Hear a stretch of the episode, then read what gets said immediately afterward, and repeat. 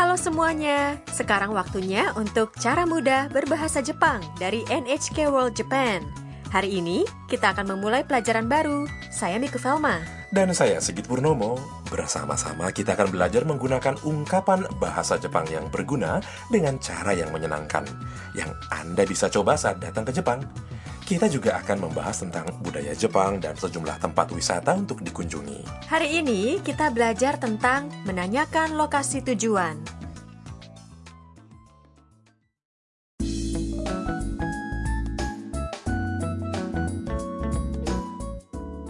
Karakter utama dalam sandiwara singkat kali ini adalah Tam. Ia adalah mahasiswi asing dari Vietnam yang aktif dan ceria. Tam sebelumnya sudah belajar bahasa Jepang sendiri dan bisa memakainya dalam percakapan sederhana. Ia ingin mengetahui lebih jauh tentang bahasa, budaya, dan daya tarik dari berbagai daerah di Jepang. Jadi, ia memutuskan untuk belajar di sebuah universitas di Tokyo. Dalam pelajaran satu, Tam baru saja tiba di Jepang untuk pertama kalinya dan berupaya mencari rumah harusan. Ini adalah rumah kos di mana ia akan tinggal bersama penghuni lainnya. Setiap orang memiliki kamar sendiri, tetapi mereka semua menggunakan ruang bersama, seperti misalnya ruang tamu dan dapur, tempat di mana mereka bisa saling berinteraksi. Seorang mahasiswa dan wanita modis kebetulan tengah melintas di jalan. Tam pun memutuskan untuk menanyakan lokasi tujuannya ke mereka. Mari kita dengarkan sandiwara singkat pelajaran 1.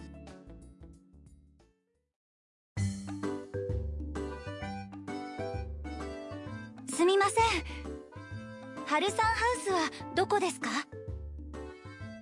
ハルサンハウスあれ僕たちの家だよねすぐ近くです一緒に行きましょう こっちだよはいありがとうございます Mari kita ulas satu persatu. Tam bertanya, すみません Permisi, 春さんハウスはどこですか rumah harusan ada di mana?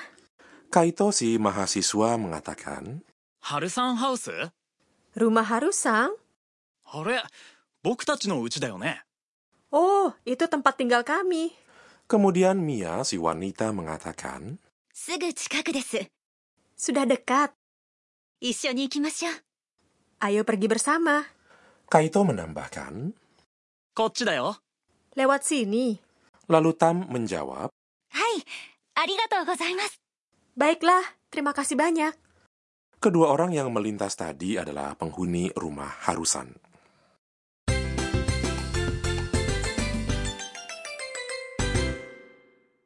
Ungkapan kunci hari ini adalah rumah Harusan ada di mana? Harusan House wa doko desu ka? Jika mempelajari pola ini, Anda bisa bertanya lokasi tujuan Anda. Berikut ini penjelasan tentang ungkapan kunci kali ini. Harusan House adalah nama rumah kosnya. Wa adalah partikel yang mengindikasikan topik. Apa itu topik? Itu adalah tema pembicaraan dalam kalimat ini, Harusan House adalah topiknya. Doko desu ka? Artinya, ada di mana? Poin hari ini adalah saat Anda ingin bertanya lokasi tujuan, tambahkan partikel wa setelah nama tempatnya dan katakan doko desu ka? Doko adalah kata tanya yang berarti di mana. Tambahkan dengan deska dan naikkan intonasi, maka akan menghasilkan pertanyaan. Jadi tambahkan wa doko deska setelah nama tempat, begitu? Betul. Sekarang kita latihan. Dengarkan dan ulangi cara pengucapannya. Doko desu ka? Harusan House wa doko deska?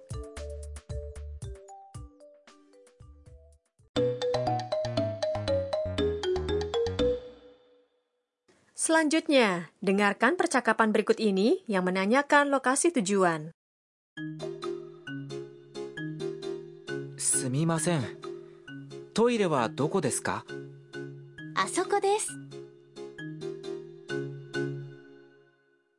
Mari kita ulas percakapannya. すみません。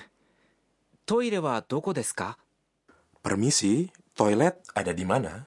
Saat ingin bertanya ke seseorang, pertama gunakan kata permisi. Sumimasen. Toilet adalah toide, yang berasal dari bahasa Inggris. Asoko desu. Di sana. Asoko adalah di sana. Ada beragam ungkapan untuk menunjukkan arah, tapi orang-orang biasanya menunjukkannya secara umum. Jadi jangan khawatir. Sekarang dengarkan dan ulangi dengan suara yang lantang. どこですかトイレはどこですかすみません。トイレはどこですかすみません。トイレはどこですか Bagaimana? Apakah bisa? Nah, sekarang misalnya Anda ingin menuju ke stasiun. Apa yang Anda sampaikan? Stasiun adalah 駅。駅。 cobalah. すみません。駅はどこですか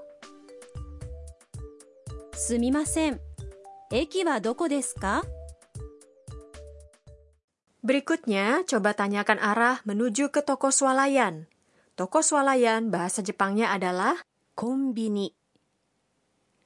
コンビニ。すみません。コンビニはどこですかすみません。コンビニはどこですか Apakah Anda bisa mengucapkannya dengan tepat?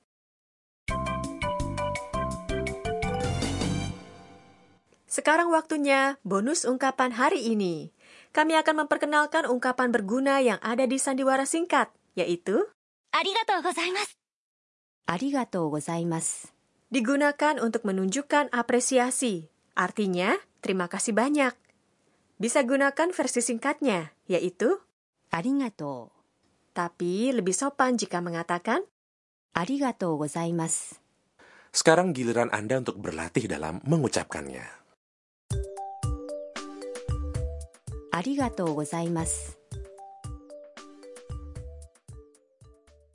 Mari kita dengarkan sandiwara singkat sekali lagi. Kali ini, perhatikan dengan seksama bagian di mana Tam menanyakan lokasi tujuan. すみません。ハルサンハウスはどこですかハルサンハウスあれ僕たちの家だよねすぐ近くです。一緒に行きましょう。こっちだよはい。ありがとうございます。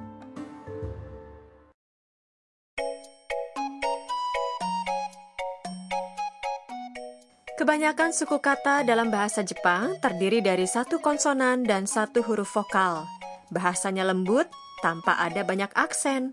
Mungkin terdengar seperti seseorang yang tengah menyanyi. Tidak ada aksen sama sekali. Secara umum, aksen atau pelafalan dalam bahasa Jepang berasal dari nada, bukan dari kuat atau lemahnya bunyi suara. Setiap kata memiliki bagian di mana ada nada yang turun. Hal ini menentukan irama dari seluruh kalimat. Misalnya, Ame ga furimashita. Hujan turun. Tapi jika mengucapkannya seperti ini, Ame ga furimashita. Artinya akan menjadi permen jatuh. Oh, begitu ya. Iya, bahasa Jepang tidak memiliki banyak bunyi, jadi pengucapannya tidak terlalu sulit. Jika terus memperhatikan, Anda akan terbiasa.